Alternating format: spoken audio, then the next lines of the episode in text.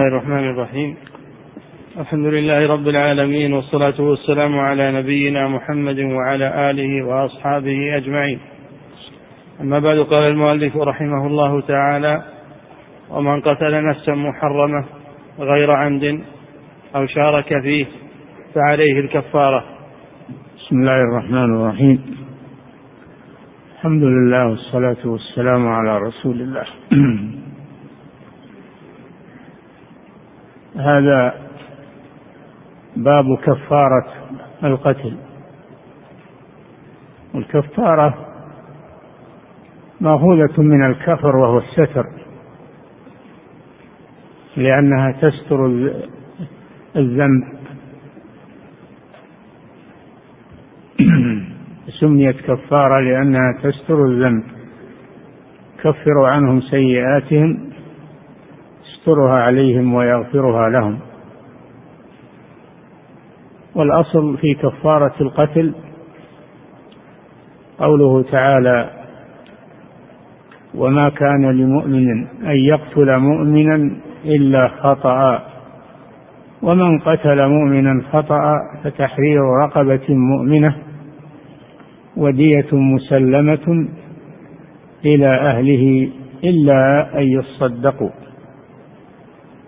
فالدية محل للعفو وهي حق لأولياء القتيل له من يعفو عنها. أما الكفارة فلا يدخلها العفو لأنها حق لله فلا يدخلها العفو لا بد من فعلها.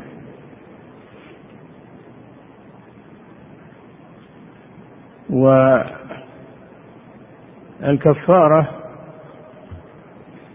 هي كما ذكر الله تتكون من شيئين على الترتيب. الأول عتق عتق رقبة. يحرر عبدا مملوكا إذا قدر على ذلك.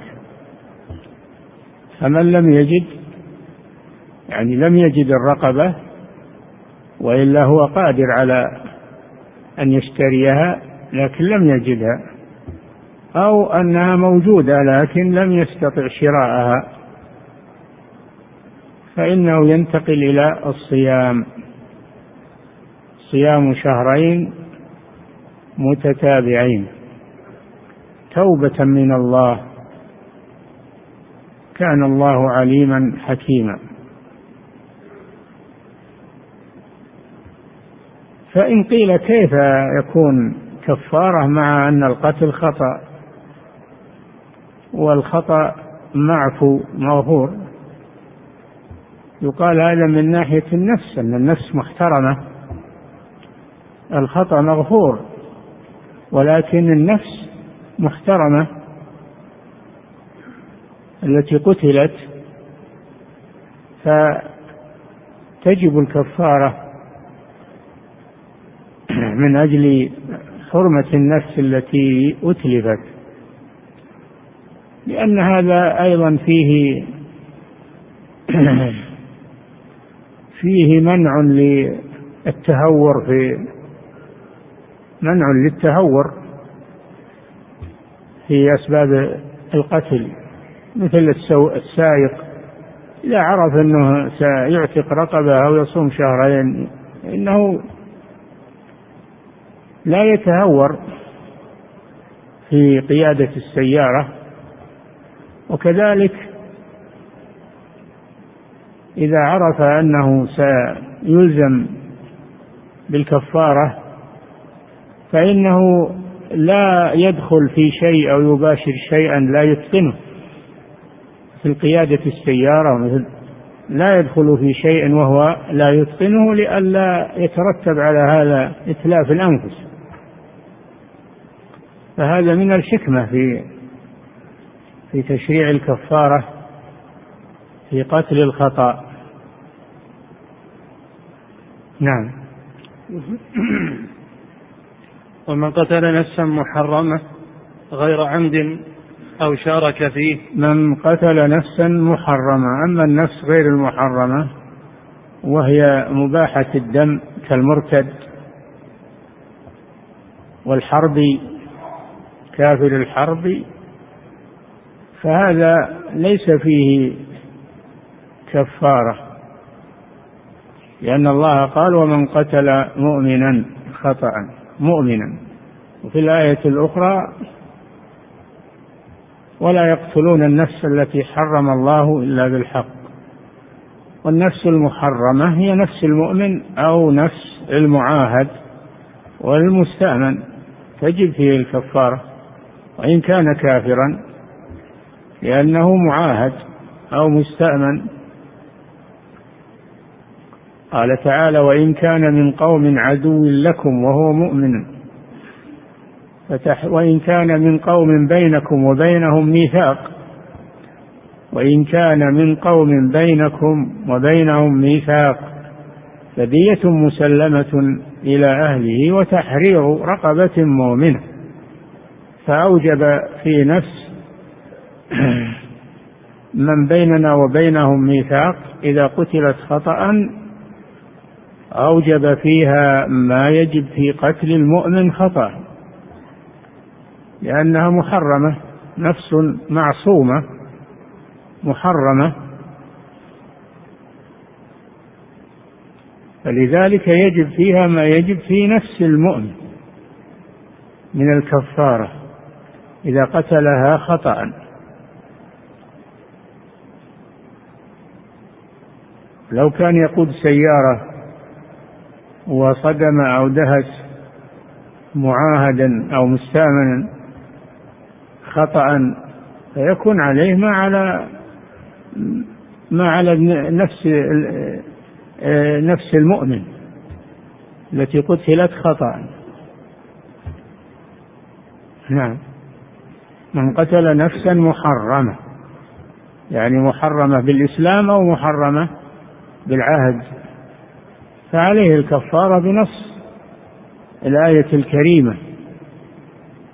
نعم. ومن قتل نفسا محرمة غير عمد. غير عمد. سبق لنا أن أنواع القتل ثلاثة العمد وشبه العمد والخطأ. تجب الكفارة في النوعين الأخيرين شبه العمد والخطأ المحض. لأن شبه العمد فيه خطأ. وهو فيه خطأ. ولذلك لا يجب به القصاص. وإنما تغلظ فيه الدية فقط. يسمى عمد الخطأ أو خطأ العمد. فهو تجب فيه الكفارة مثل الخطأ لأنه نوع من الخطأ. نعم. أو شارك فيه. سواء استقل بالقتل أو شارك فيه. ويتصور هذا في الاصطدام بين السيارتين مثلا. فإذا كان الخطأ على الاثنين كل عليه نسبته.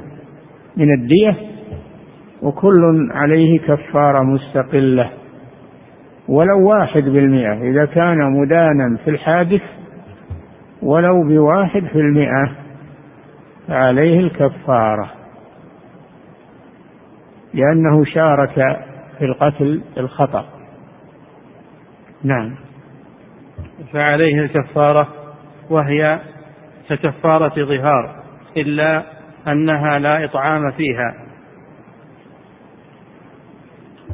هي ككفارة ظهار من ناحية ما يجب فيها وأما من ناحية الحكم فكفارة الظهار مستقلة وكفارة الخطأ فيها نص في القرآن الكريم.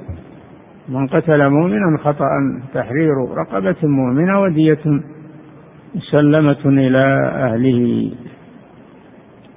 نص الآية لا يجب فيها إلا شيئان على الترتيب. على الترتيب. العتق أو صيام الشهرين. وليس فيها إطعام مساكين كما في كفارة الظهار. ليس فيها إطعام مساكين. ليس فيها إلا خصلتان. العتق أو صيام الشهرين. لأنه لم يذكر فيها إلا هذين الأمرين. نعم. ويكفر عبد بالصوم. إذا كان القاتل خطأ أو شبه عمد مملوك مملوكا فإنه ليس له مال حتى يؤمر بالعتق. ما عنده مال. كفر بالصوم. هذا لم يجد رقبة لأنه ليس له مال.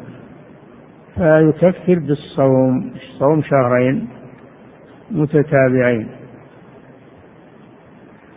سواء كانت المقتولة كبيرة أو صغيرة أو حرا أو عبدا أو ذكرا أو أنثى حتى الجنين في البطن إذا بلغ أربعة أشهر جني على أمه فسقط ميتا ففيه الكفارة. فيه الكفارة وفيه الدية. وهي نصف عشر دية أمه. نعم. والقسامة؟ أي نعم انتهى من من باب الكفارة. انتقل إلى باب القسامة. باب القسامة. الذي سبق في الجنايات على النفس العمد شبه العمد والخطأ هذا إذا كان القاتل معروفا إذا كان القاتل معروفا. لكن لو كان القاتل غير معروف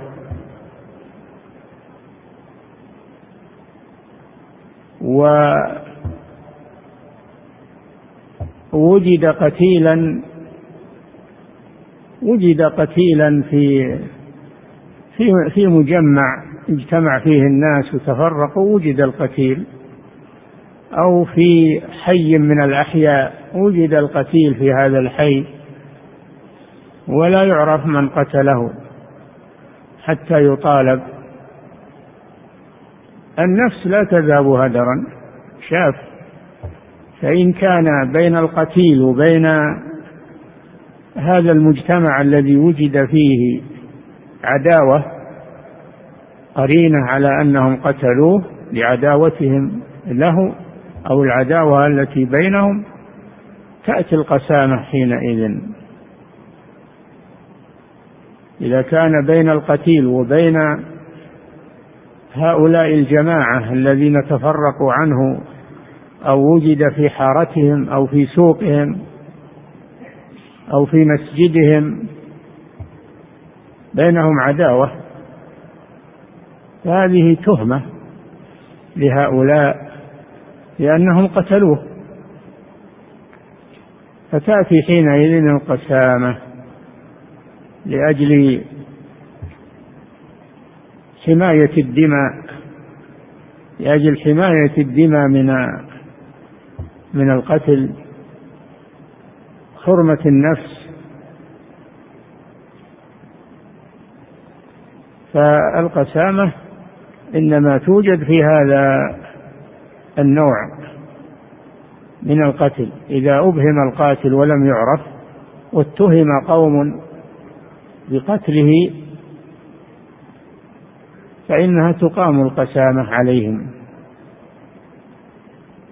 والأصل فيها أن عبد الله بن سهل و وأخاه حويصة ومحيصة ابن عمه ذهبوا إلى ذهبوا إلى خيبر بعد فتحها. ذهبوا إلى خيبر بعد فتحها. وهي موطن اليهود ومعروف ما بين اليهود وبين المسلمين من العداوة. تفرقوا في النخيل ثلاثة تفرقوا في النخيل. ثم رجع الاثنان ووجد عبد الله بن سهل يتشحط في دمه قتيلا. فاتهموا فيه اليهود اتهموا فيه اليهود. والقرينة قائمة وهي العداوة التي بين اليهود وبين المسلمين.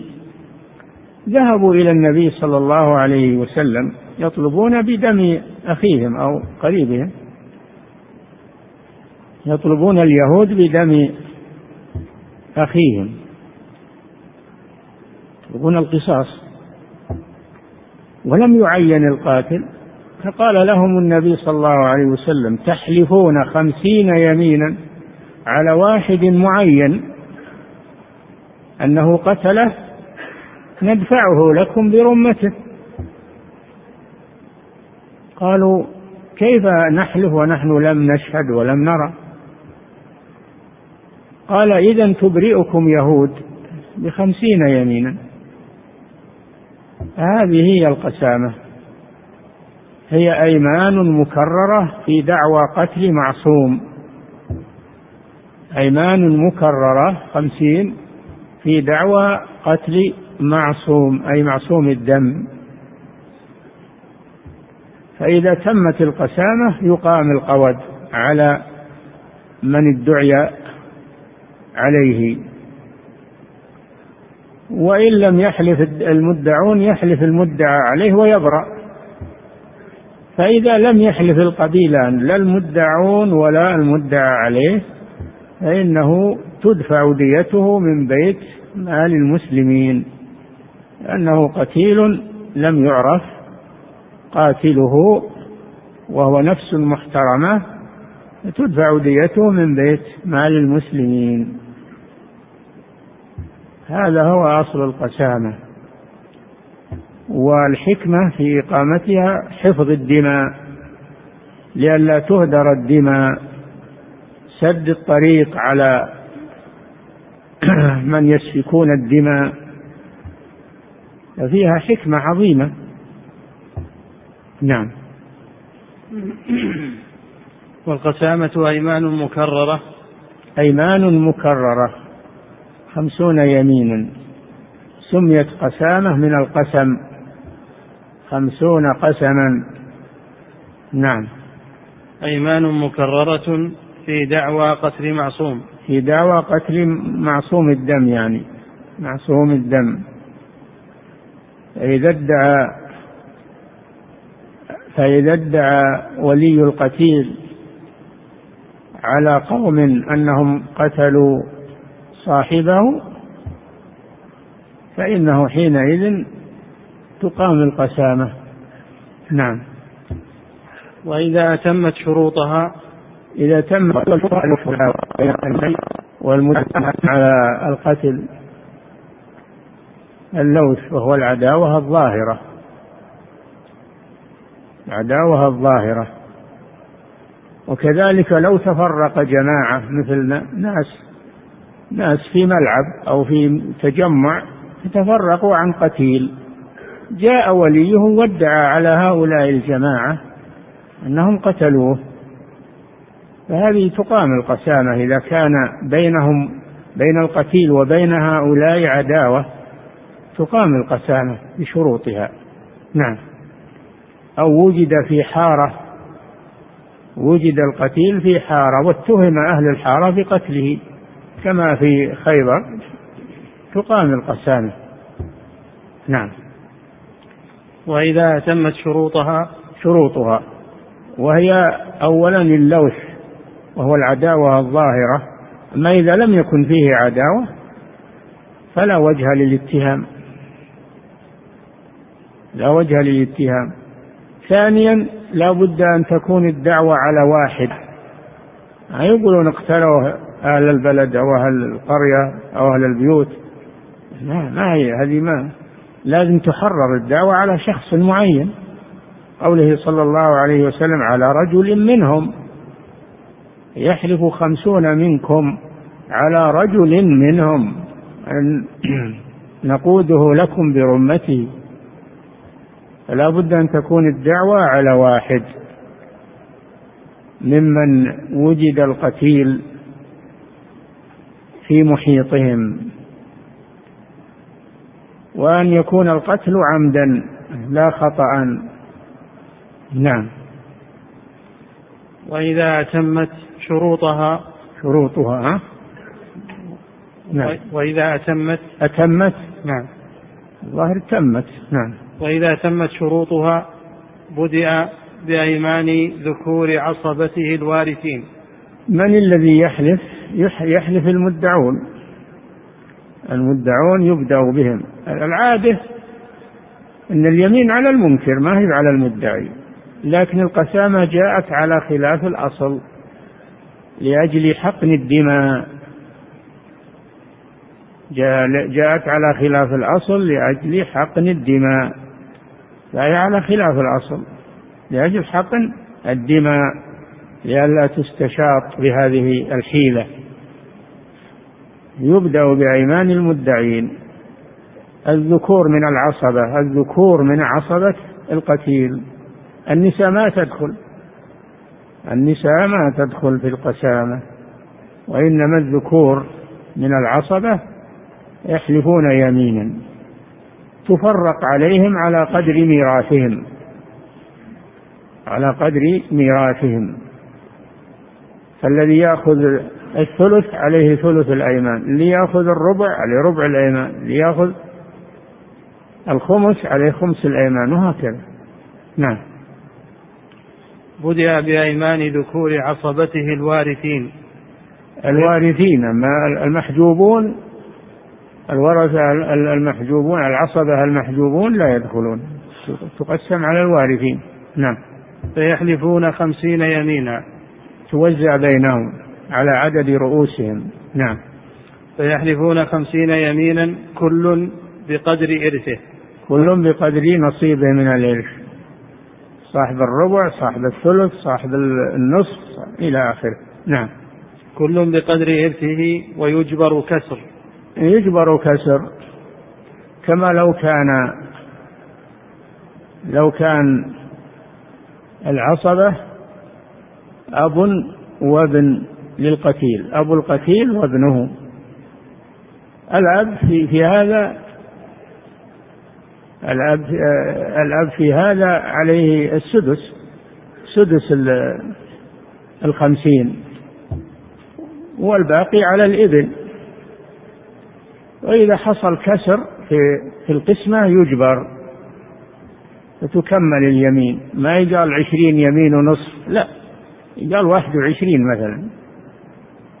عليه اثنى عشر ونصف تجبر. يقال عليه ثلاثة عشر يجبر الكسر. نعم. فإن نكلوا أو فإن نكل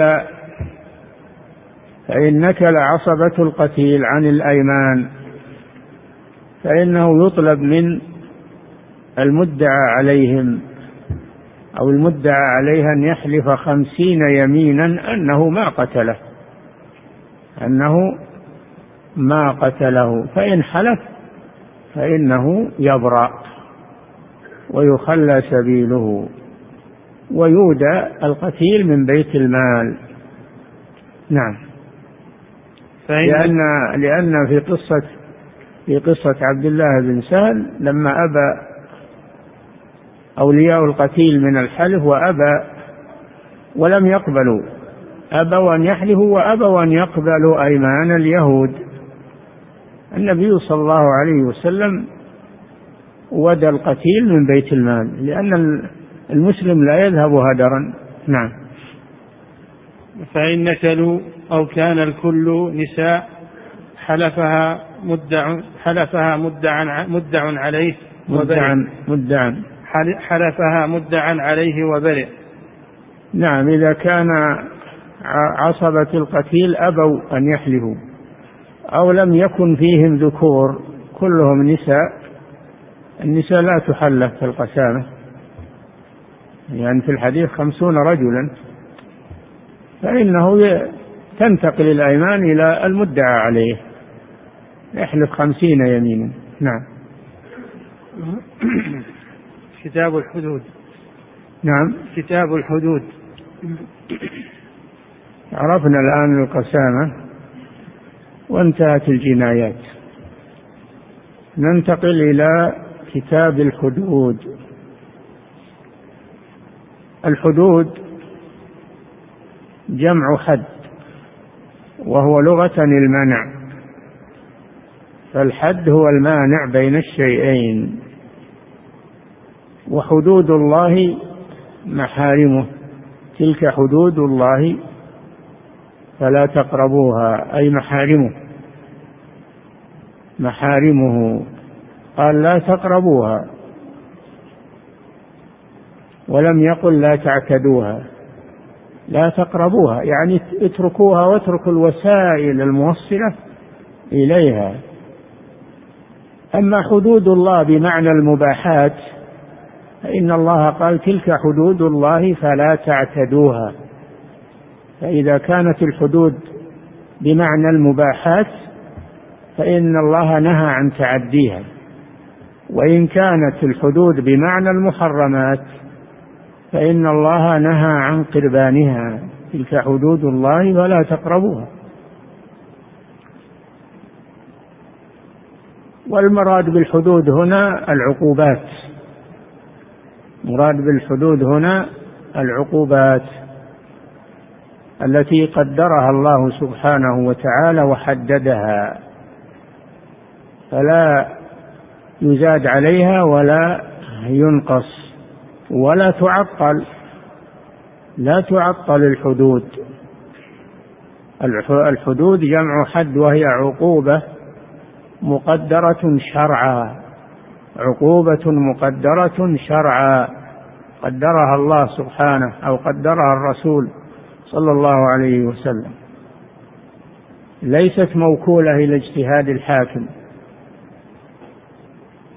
مثل ثمانين جلدة مئة جلدة. هذه الله قدرها. مثل الرجم. هذا الله قدره. ما لحد دخل فيه. القصاص. ما لحد دخل فيه. هذه حدود وقد شرعها الله جل وعلا لحماية الضرورات الخمس.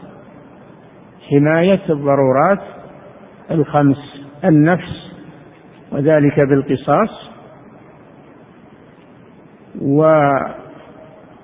والعقل وذلك بحد الشرب شرب الخمر والمسكر العرض وذلك بحد بحد القاذف ثمانين جلدة حماية للعرض.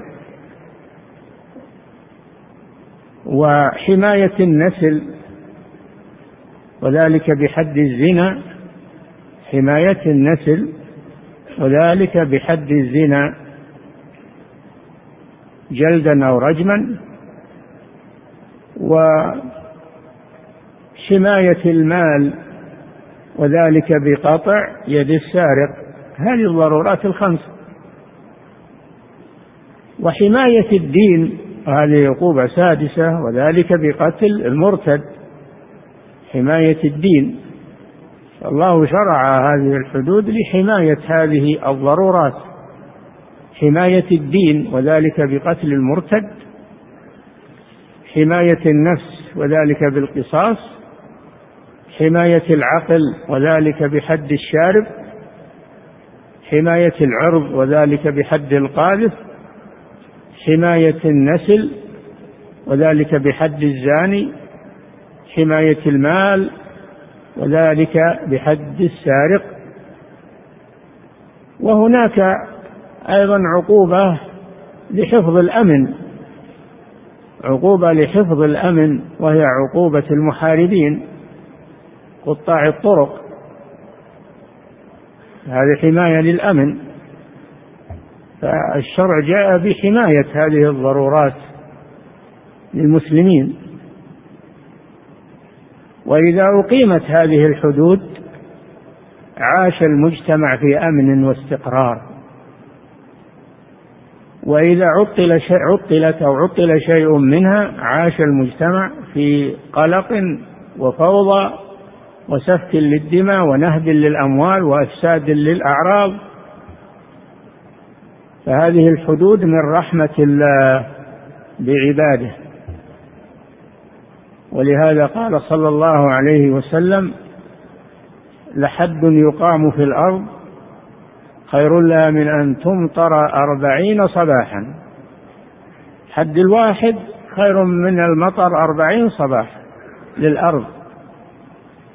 لأن الأرض إنما تصلح بالدين ولا تفسدوا في الأرض بعد إصلاحها فالأرض إنما تصلح بإقامة الحدود والمحافظة على الدين وتفسد الأرض إذا انتهكت الحدود وعطلت الأحكام الشرعية فسدت الأرض. نسأل الله العافية.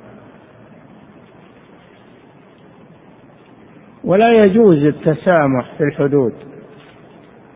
لا يجوز التسامح في الحدود. إذا ثبتت فلا بد من إقامتها ولا يدخلها عفو. ما يدخلها عفو ولا وساطة لا بد من إقامتها. قال صلى الله عليه وسلم تعافوا الحدود فيما بينكم فما بلغني من حد فقد وجب. إذا بلغت الحدود السلطان فلعن الله الشافع والمشفع. كان بنو إسرائيل إذا سرق فيهم الشريف تركوه وإذا سرق فيهم الضعيف أقاموا عليه الحد. ويم الله لو أن فاطمة بنت محمد سرقت لقطعت يدها. لو أن فاطمة بنت محمد سرقت لقطعت يدها. الحدود ما فيها هوادة أو فيها شفاعات أو فيها وساطات ولا يؤخذ المال عوضا عن الحد. قال وجب عليه الحد. اللي تبي تقطع يده ادفع مئة ألف ادفع. ما يجوز هذا. لا بد من إقامة الحد. ما تشمن الحدود بدراهم ولا لازم من إقامة الحد. الذي حده الله سبحانه وتعالى. الحدود فيها رحمة وفيها خير للمجتمع. أما الذين يقولون من الكفار والملاحدة أو من ملاحدة المنتسبين للإسلام يقولون هذه فيها قسوة هذه فيها قسوة هذه فيها غلظة. والإسلام دين الرحمة ودين التسامح. ولا تصلح وخصوصا في هذا الزمان الحدود ما تصلح دوليا هذا من كلام الكفر والإلحاد والعياذ بالله. وهذا اعتراض على الله سبحانه وتعالى. الحدود ليس فيها قسوة فيها رحمة. ولكم في القصاص حياة يا أولي الألباب. وكيف يرحم الجاني الفاجر ولا يرحم المجني عليه؟ المسكين. ما هذه الرحمة؟ هذه ما هي رحمة. كيف يرحم الجاني الفاجر المعتدي ولا يرحم المجني عليه؟ هذه ما هي رحمة. الرحمة في إقامة الحد. إذا قطعت يد سلمت أيد كثيرة وإذا عطل حد السرقة ضاعت الأموال ضاع الأمن. وربما إذا تسهل في قطع اليد إنه تكثر السرقة فيقطع أيدي كثيرة.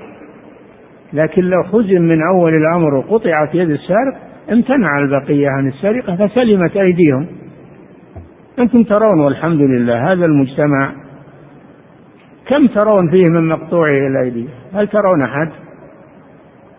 يقطع واحدة خفيه ما يدرى عنه وبعدين يسلم الأيدي ويسلم المجتمع كله. ما هو كل المسلمين مقطع الأيدي كما يقول الغرب والكفار. إنما هي عقوبة تطبق على واحد فيسلم الآلاف والملايين. فالحد يقي المسلمين في أنفسهم وفي أيديهم وفي أموالهم يقيهم من العبث والفوضى. فهذه الحدود فيها رحمة من الله سبحانه وتعالى لعباده. إذا طبقت عاش الجميع حتى المعاهدون المستأمنون يعيشون في الأمن والرحمة تحت عدل الإسلام و ورحمته فالحدود رحمة وليست قسوة. والحدود فيها حماية للمجتمع أفرادا وجماعات فيها رحمة للمسلمين. والذي شرعها هو أرحم الراحمين. دل على أنها رحمة لأن الذي شرعها هو الله جل وعلا وهو أرحم الراحمين. فهي رحمة بالعباد. نعم الذي تقام عليه يجد منها صعوبة ويجد منها ألم.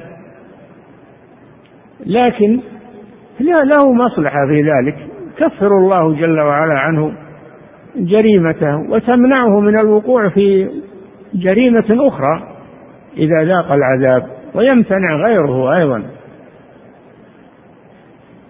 فالقسوة إنما هي في تعطيل الحدود وليست القسوة في إقامة الحدود. ولا يجوز لأحد أنه يتدخل ويشفع للمحدود لأن أسامة بن زيد رضي الله عنه وعن أبيه أراد أن يشفع عند النبي صلى الله عليه وسلم في قطع يد امرأة مخزومية.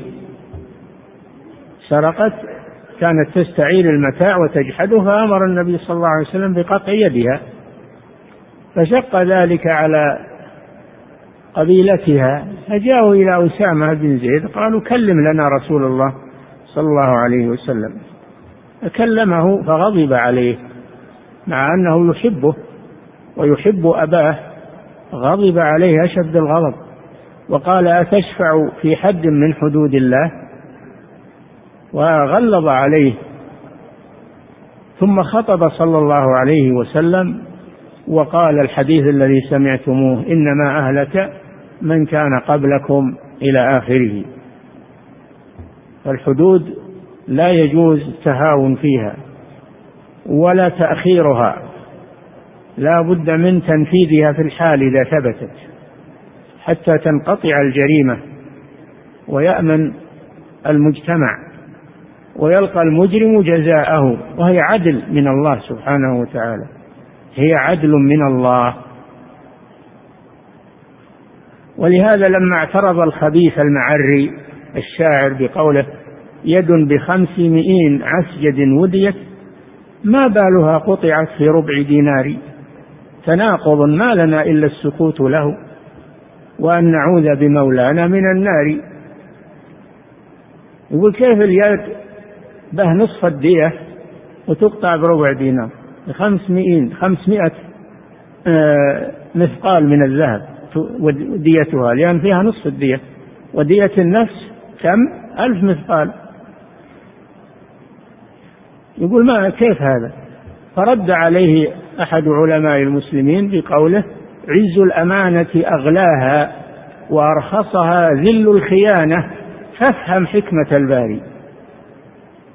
وقال آخر لما كانت أمينة كانت ثمينة فلما خانت هانت. لكن هذا ملحد ما يعرف آه، الإسلام ويعرف حكمة الباري. لذلك ألجموه بالرد وطلب لقتله لكنه اختفى قبحه الله.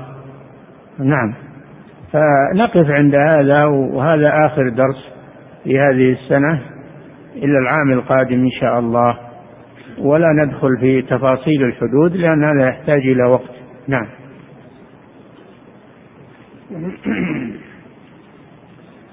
يقول فضيلة الشيخ وفقكم الله.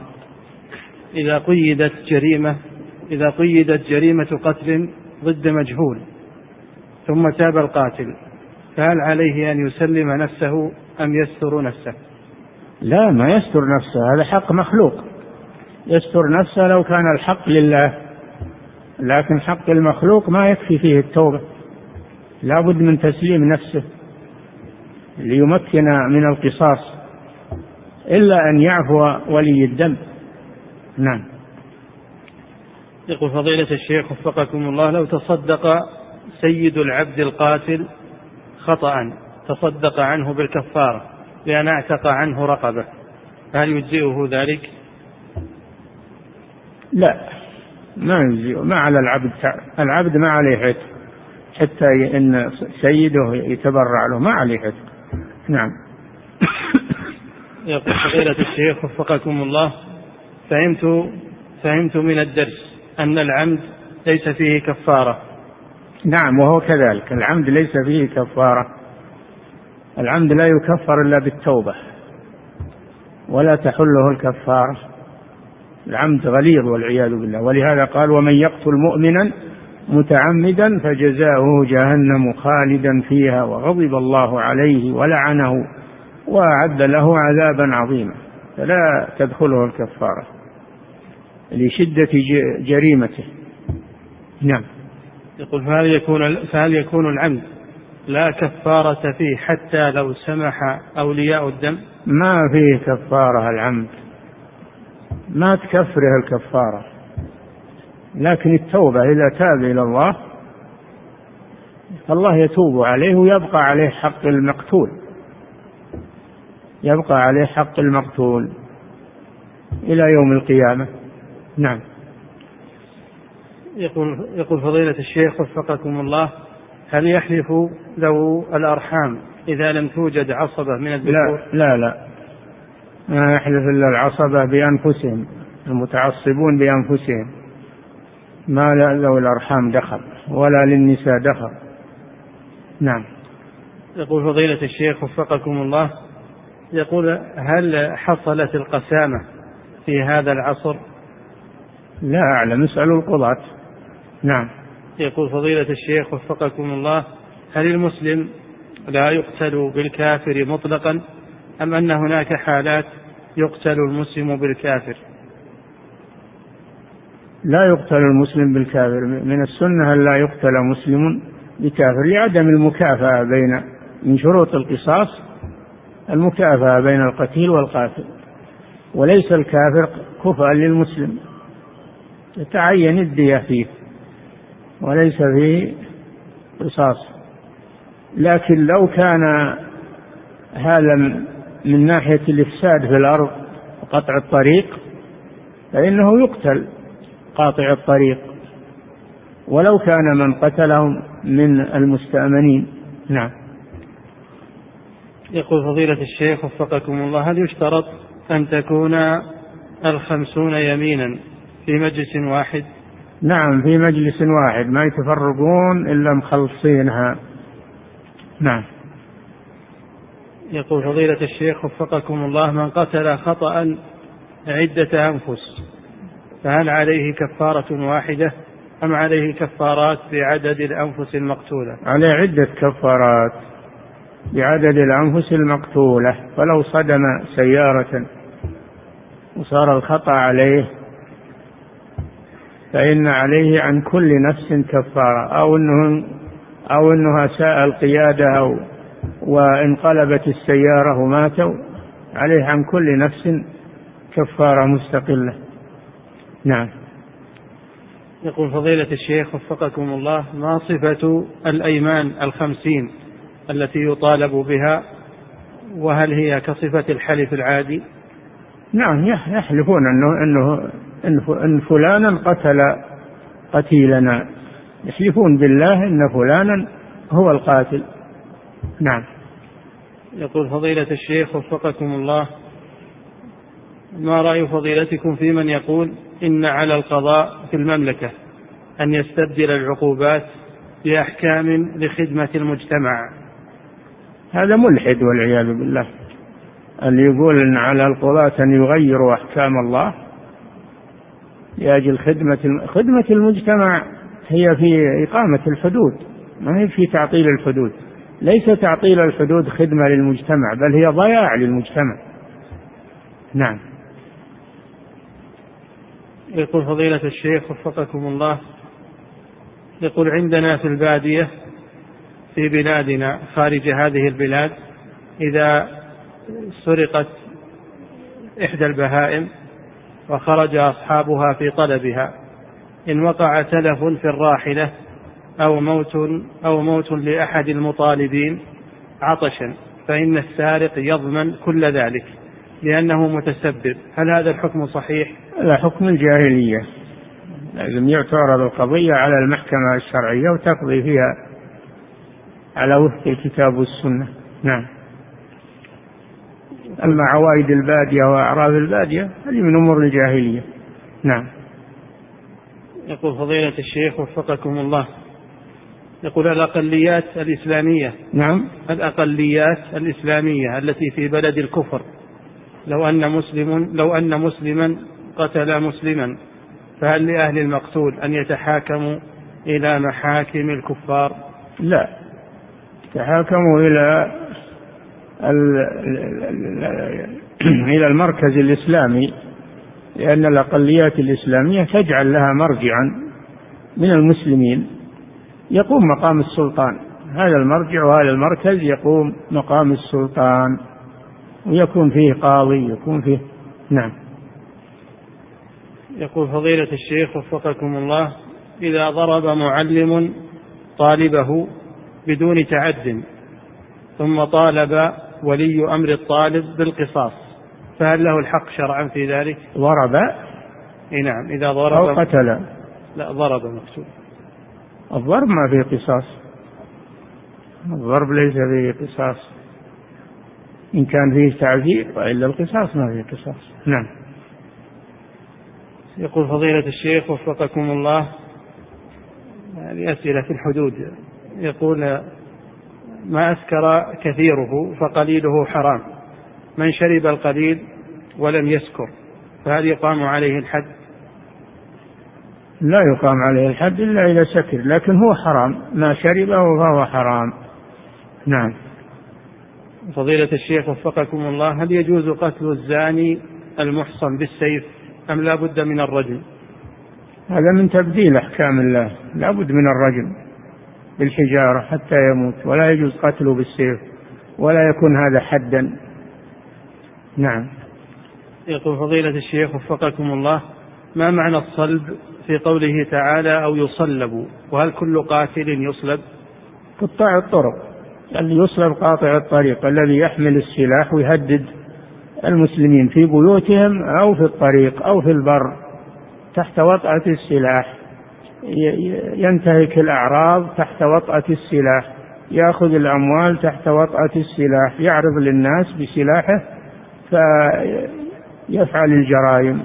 هذا يقتل ويصلب. يصلب على خشبة حتى يشتهر أمره ويرتدع من يراه. نعم.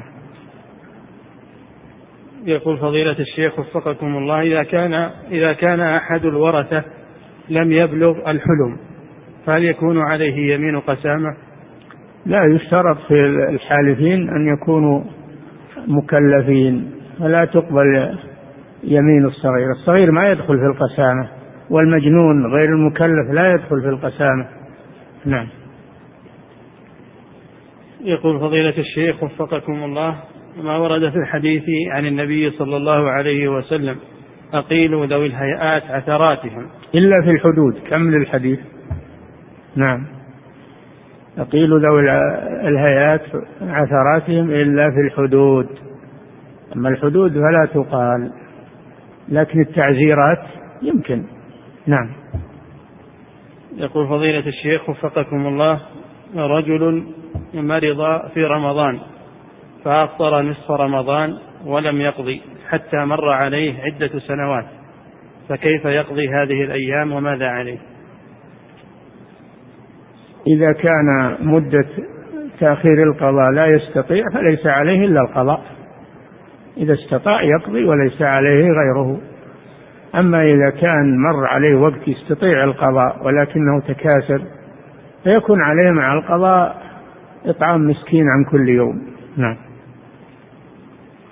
يقول فضيلة الشيخ وفقكم الله رجل يريد شراء رجل يريد شراء سيارة مستعملة من المعرض. فقال له صاحب المعرض السيارة قيمتها عشرون ألفا بدون ضمان. وإذا أردت ضمان المحرك ثلاث سنوات فتكون القيمة أكثر بخمسة آلاف فنضمن لك محرك السيارة لمدة ثلاث سنوات لو صار فيها عيب فإننا نصلحه. مجانا. فما الحكم في هذا البيع لا أصل لهذا الضمان. تباع السيارة على وضعها. تباع السيارة على وضعها. وإذا تبين فيها عيب لم يعلم به المشتري فله أن يردها بالعيب. ولا حاجة إلى ضمان. نعم. يقول فضيلة الشيخ وفقكم الله يقول رجل عنده استراحة خارج الرياض في الثمامة يقول ويسأل أحيانا أعود من سفر خارج الرياض فأذهب إلى الاستراحة مباشرة ولا أدخل مدينة الرياض فهل أكون ما زلت في حكم المسافر فترة جلوسي في الاستراحة علما أنه كما تقدم هي على حدود الرياض وليست داخلها. لا هي من الرياض الآن. إثمامة من الرياض. المباني متصلة. هي من الرياض. نعم. إذا وصلتها وصلت الرياض. نعم. يقول فضيلة الشيخ وفقكم الله يقول انتشر بين الناس أن الميت إذا كان حسن الخاتمة. تكون له علامات كتحول كتحول لونه إلى أبيض ونحو ذلك. فهل هذا صحيح؟ الله أعلم. الله أعلم. في ناس يجتهدون يقولون فلان ظهر عليه كذا وفلان ما ظهر عليه كذا وأسود وجهه. لا يجوز هذا. يستر على الميت ويوكل أمره إلى الله سبحانه وتعالى. نعم. يقول فضيلة الشيخ وفقكم الله كثير ما يقع من الشباب حوادث ويكونون متسببين في ذلك الحادث الذي يقع فيه وفيات. كثيرا يقول كثير ما يقع من الشباب حوادث ويكونون متسببين في ذلك. ويكونون متسببين في ذلك الحادث الذي وقع فيه الوفيات. فلا يجدون رقبة يعتقونها ومع ذلك هم لا يصومون ويتعذرون بعدم القدرة على الصيام. فهل من توجيه في ذلك وفقكم الله؟ هذا شيء في ذمتهم. لا بد من الصيام. إذا كانوا يريدون براءة ذمتهم أمام الله فإنهم يصومون. يصبرون على المشقة. نعم لا يواصلون الكفارات بعضها وراء بعض يصوم الكفارة عن عن واحد ثم يأخذ فترة ثم يصوم عن الثاني وهكذا. أما أنه يقول أنا والله ما ما أنا بصايم لأنه الصيام يبي يحرمني من الأكل والشرب ويبي هذا ما هو بعذر. نعم. يقول فضيلة الشيخ وفقكم الله في قوله تعالى أحل لكم ليلة الصيام الرفث إلى نسائكم إلى أن قال سبحانه تلك حدود الله. فلا تقربوها. ما هو الحد المراد في هذه الآية؟ محرم. المحرم. لأن الصائم محرم عليه مباشرة زوجته وهو صائم بشهوة والجماع هذا محرم. هذا من الحدود يعني المحرمات. نعم. يقول فضيلة الشيخ كذلك المعتكف. لا تقربوهن وأنتم عاكفون في المساجد. تلك حدود الله. المعتكف ممنوع من الجماع حتى في الليل. الصائم اللي ما هو معتكف يجامع في الليل. حل لكم ليلة الصيام الرفث إلى نسائكم. لكن المعتكف لا يجامع ليلا ولا نهارا. ما دام في الاعتكاف. حرام عليه وهو حد من حدود الله. نعم. يقول فضيلة الشيخ وفقكم الله. كيف تقوم الحكومة في زماننا مع عدم وجود الرق ولا تعرف قيمة العبد؟ وذلك في الشجاج الحارصة والبازلة والباضعة إلى غير ذلك. هذه فيها مقدرات من الشارع بالإبل وما لم يقدر فهي القاضي والمحكمة تجتهد في هذا وتقدره نعم. يقول فضيلة الشيخ وفقكم الله إذا كبر الإمام للصلاة ثم تذكر أنه محدث فماذا يفعل؟ ينصرف. ينصرف ويقول لهم انتظروا والا يخلف واحد يصلي بهم نعم. وهل له أن يستخلف؟ فيتم؟ نعم, نعم له أن يستخلف. له أن يستخلف من يصلي بهم. نعم. يقول هل يختلف الحكم إذا كان على وضوء ولكنه أحدث في الصلاة؟ إذا كان على وضوء أول الصلاة وانتقل وضوءه له أنه يستخلف من يكمل الصلاة. نعم. يقول فضيلة الشيخ وفقكم الله يقول بعض محطات البترول تعطي علبة مناديل لمن عبى من عندها بمبلغ يحددونه وقد يعطون علبتين لمن عبى ضعف المبلغ.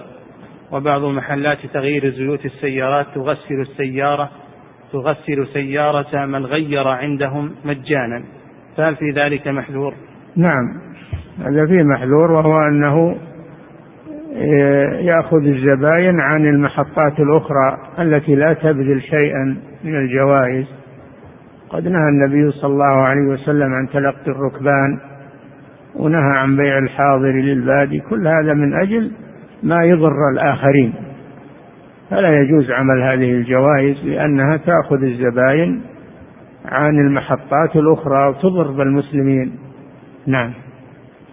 يقول فضيلة الشيخ وفقكم الله ما المراد بقتل الغيلة؟ قتل الغيلة الخفي القتل الخفي لأجل أخذ المال. نعم.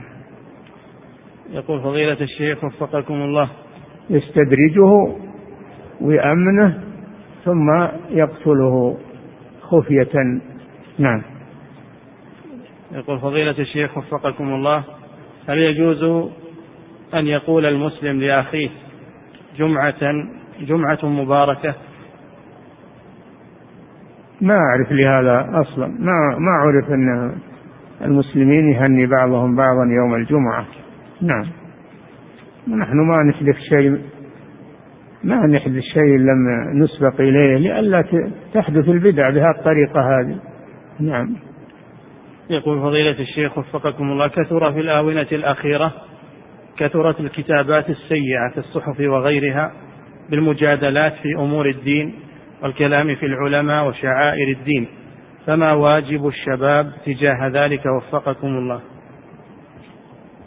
واجبهم أن ينكروا هذا على حسب استطاعتهم اللي عنده علم يرد. يرد هذه الشبهات وهذه الأباطيل واللي ما عنده علم يكره هذا الشيء ويحذر منه يحذر من هذا الشيء.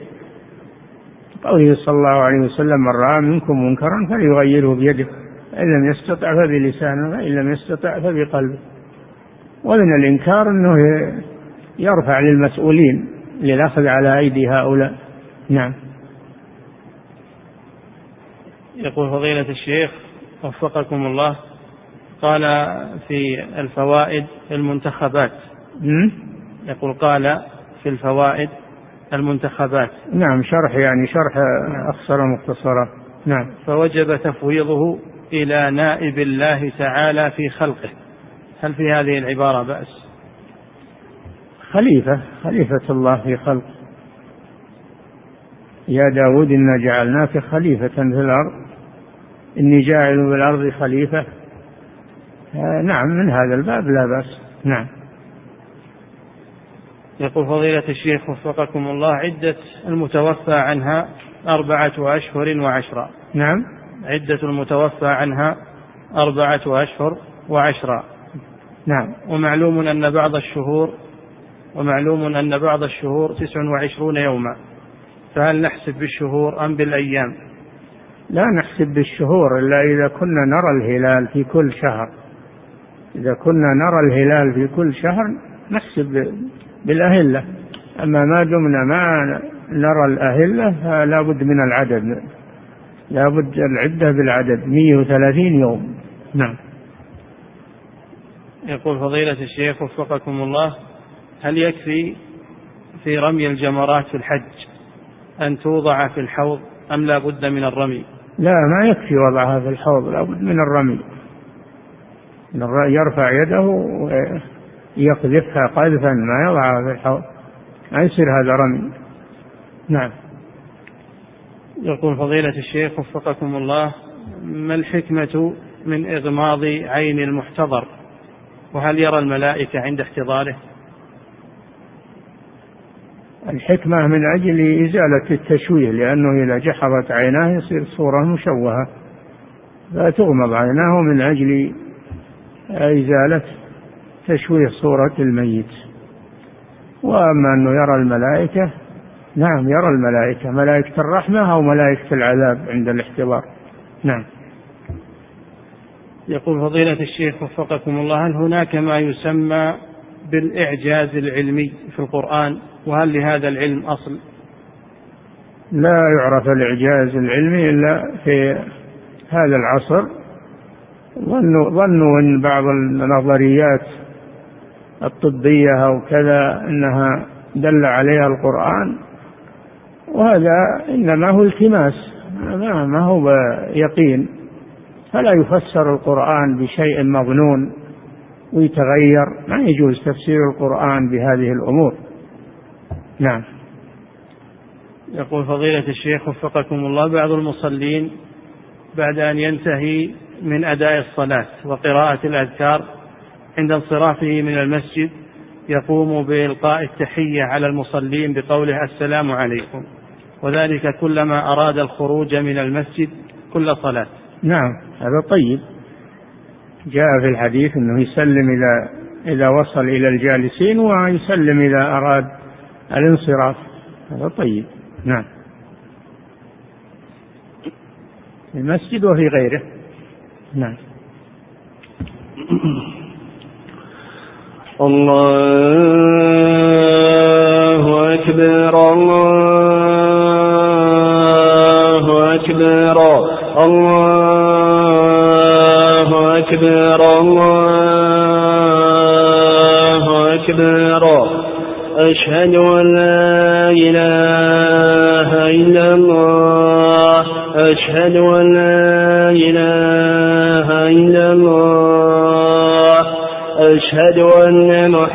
محمد رسول الله. أشهد أن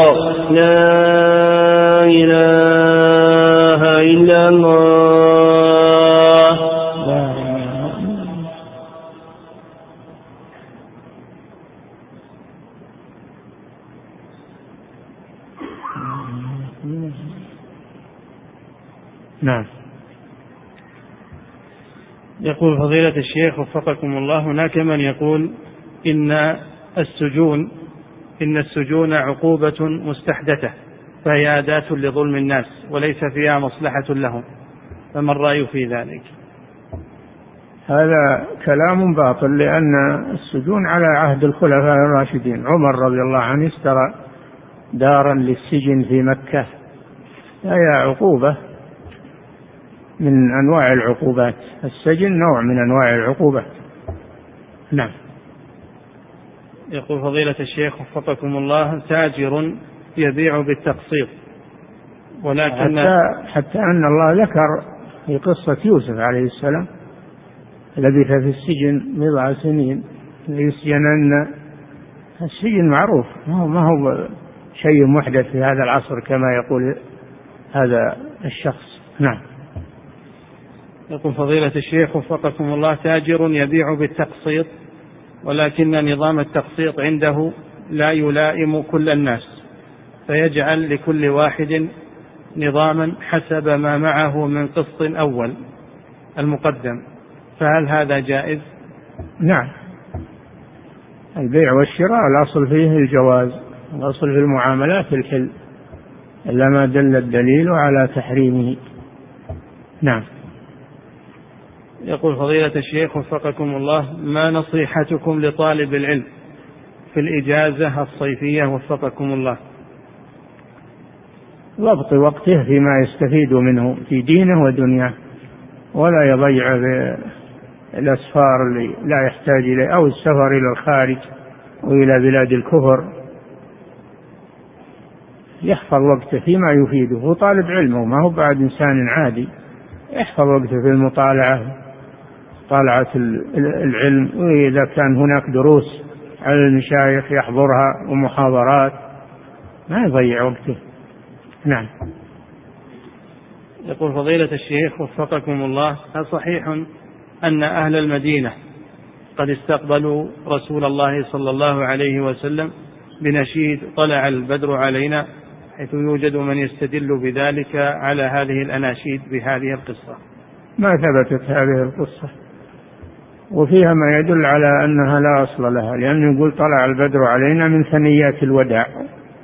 ثنيات الوداع ما هي على طريق مكة لأن الرسول صلى الله عليه وسلم جاء إلى إلى إلى المدينة من طريق الجنوب.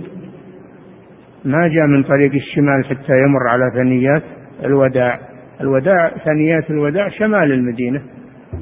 فلا ينطبق هذا. نعم. يقول فضيلة الشيخ وفقكم الله ما الضابط في السترة؟ وهل يجزئ؟ نعم. ما الضابط في السترة بالصلاة؟ وهل يجزئ؟ وهل يجزئ أن تجعل سترة مجوفة كالطاولة ونحوها؟ السترة أي شيء قائم مرتفع يصلح سترة. جدار أو شجرة أو آه، رحل أي شيء يكون قائما يكون سترة. نعم. يقول وكم المسافة التي تكون بينه وبين السترة؟ ثلاثة أمتار. نعم. ثلاثة أذرع ثلاثة أذرع. نعم.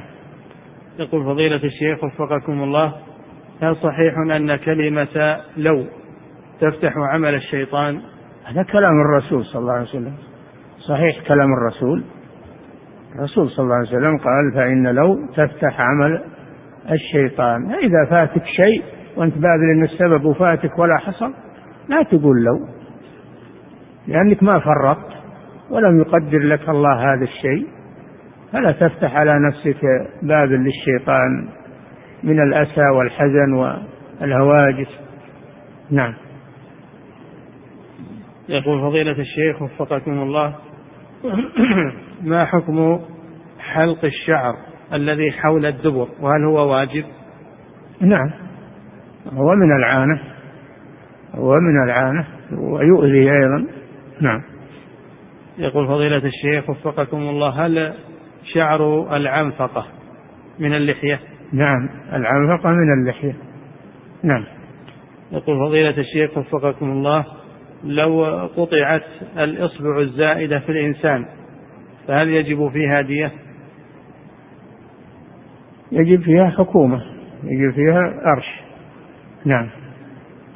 يقول فضيلة الشيخ وفقكم الله إذا وافق صيام الشهرين المتتابعين يوم عيد أو أيام التشريق فماذا؟ لا لا يقطع التتابع الفطر الواجب كالعيد ولا الصوم الواجب كرمضان. الصوم الواجب والفطر الواجب لا يقطعان لا يقطعان التتابع وكذلك الرخصة في الإفطار كالسفر والمرض. إذا أفطر لسفر أو مرض لا لا لا يقطع التتابع لأنه فطر مرخص فيه شرعا. نعم. يقول فضيلة الشيخ وفقكم الله معلم معلم رسم يسأل عن استخدام بعض النعم في إصلاح المناظر الجميلة مثل حبوب القهوة وحبوب الهيل. يقول معلم رسم يسأل عن استخدام بعض النعم في إصلاح المناظر الجميلة كحبوب القهوة وحبوب الهيل فهل هذا العمل جائز؟ ما فهمت السؤال وش معنى السؤال؟ اقرأ يقول معلم رسم يسأل عن استخدام بعض النعم في إصلاح المناظر الجميلة كحبوب القهوة والهيل فهل هذا العمل جائز؟ كيف يعني يريد, يريد أن يرسم شيء يا شيخ؟ إيه؟ فيضع حبوب القهوة في هذا الرسم. يضعها كشكل جمالي أو حبوب الهيل كشكل جمالي. ما لا بأس. نعم. يقول فضيلة الشيخ وفقكم الله هل دهن الخنزير له نفس حكم اللحم؟ حيث إن الآية تقول لحم خنزير ولم يذكر الدهن. نعم دهنه حرام مثل لحمه لكن الاستعمال الكثير والغالب للحم وإلا كل مشتقات الخنزير كلها حرام ونجسة. نعم. يقول فضيلة الشيخ وفقكم الله ما حكم وضع كاميرات تصوير في الممرات في المدارس حيث يقوم بذلك بعض مدراء المدارس فهل في ذلك بأس؟ مش المصلحة من هذا. المقصود هو التصوير ما يجوز. إذا كان المقصود التصوير هو ما يجوز. أما إذا كان المقصود ضبط الطلاب وضبط وهذا ما هو بتصوير. هذا إنما هو نقل نقل صور المارة ويزول. ما هو ما هو بيثبت. مثل ما تنقل الصلاة في الحرمين. هذا ما هو تصوير هذا هذا نقل مجرد نقل ويزول. ما ما يستمر. نعم. مثل الصورة في المرآة تزول نعم. يقول فضيلة الشيخ وفقكم الله يقول أنا حلفت ولم أنفذ الحلف. ها؟ يقول أنا أنا حلفت ولم أنفذ الحلف. ولم أطعم ولم أصم. وهذا قبل سنة. فماذا علي؟ حلفت. ولم أنفذ الحلف. ولم أطعم ولم أصم. باقي أن الكفارة في ذمتك. آه، ما يسقطها عنك مضي المدة. باقي في ذمتك؟ تكفر الآن. نعم. يقول فضيلة الشيخ وفقكم الله يقول قريتي تبعد عن مدينة جازان قرابة ستين إلى سبعين كيلو متر. فهل إذا كنت مسافرا ووصلت إلى المطار بمدينة جازان يجوز لي أن أقصر الصلاة لأنني لم أصل إلى قريتي بعد. المقصود البلدة لن تسكن فيها؟ إذا وصلت إلى البلدة التي أنت تسكن فيها انتهى السفر. أما مرورك ببلد أنت ما تسكن فيه فلا يعتبر السفر لا يزال متواصلا. نعم. يقول فضيلة الشيخ وفقكم الله عندنا إمام عندنا إمام أخذ إجازة. لبضعة أيام وأناب المؤذن والمؤذن يصلي الفجر بالجماعة لكنه يفتح المصحف في الصلاة في صلاة الفريضة. فهل في ذلك بأس؟ ما وصلت الأمور إلى هذا الحد. يجيب واحد من الإخوان اللي يحفظون القرآن أو يحفظون من القرآن ونخليه بدل بدل المزن اللي ما يقرأ إلا من المصحف. ما وصلت الأمور إلى هذا الحد. نعم نعم. يقول فضيلة الشيخ وفقكم الله رجل سافر هو وعائلته إلى مكة وأحرموا ومعهم ولدهم الذي عمره عشر سنوات. فطاف ولكنه في السعي نام ولم يستيقظ إلا بعدما خرج أهله من الحرم ولم يقصروا له ولم يسع معهم ثم رجعوا إلى الرياض وقد مضى على ذلك شهران. فما الحكم؟ لا يزال الولد محرما يعيدون عليه ملابس الإحرام ويعتبر محرما مواصلا للإحرام ويذهب ويسعى ويقصر في مكة ويكمل عمرته. نعم. يقول فضيلة الشيخ وفقكم الله يقول كنت في سفر فصليت المغرب ثم صليت العشاء مع نعم. جماعة. نعم. كنت في سفر نعم. فصليت المغرب ثم صليت العشاء. مع جماعة يصلون المغرب فهل أتم صلاة العشاء أم أقصرها؟ لا تتمها لأن المغرب غير مقصورة تصلي خلف صلاة غير مقصورة فلا تقصر. نعم. يقول فضيلة الشيخ وفقكم الله إذا اجتمع بعض الناس في صلاة واختلفوا على المذاهب الأربعة فمن الذي يؤم فيهم؟ يوم واحد منهم كلهم مسلمون ولله الحمد. وما بين المذاهب الأربعة تناقض. كلهم إخوان وكلهم طيبين إن شاء الله. نعم. يقول فضيلة الشيخ وفقكم الله يقول هناك صاحب مطعم قبض عليه لأنه يبيع لحم كلاب بدل لحم الماشية. يقول فهل من استدان منه لحم؟ فهل يدفع له المبلغ؟ أم لا؟ لأنه قد باع عليهم محرم. إذا كان أنه يعرف أنه باع عليه لحم كلب لا يجوز له الدفع القيمة. أما إذا كان دفع له لحم غير لحم مباح تلزمه القيمة. نعم.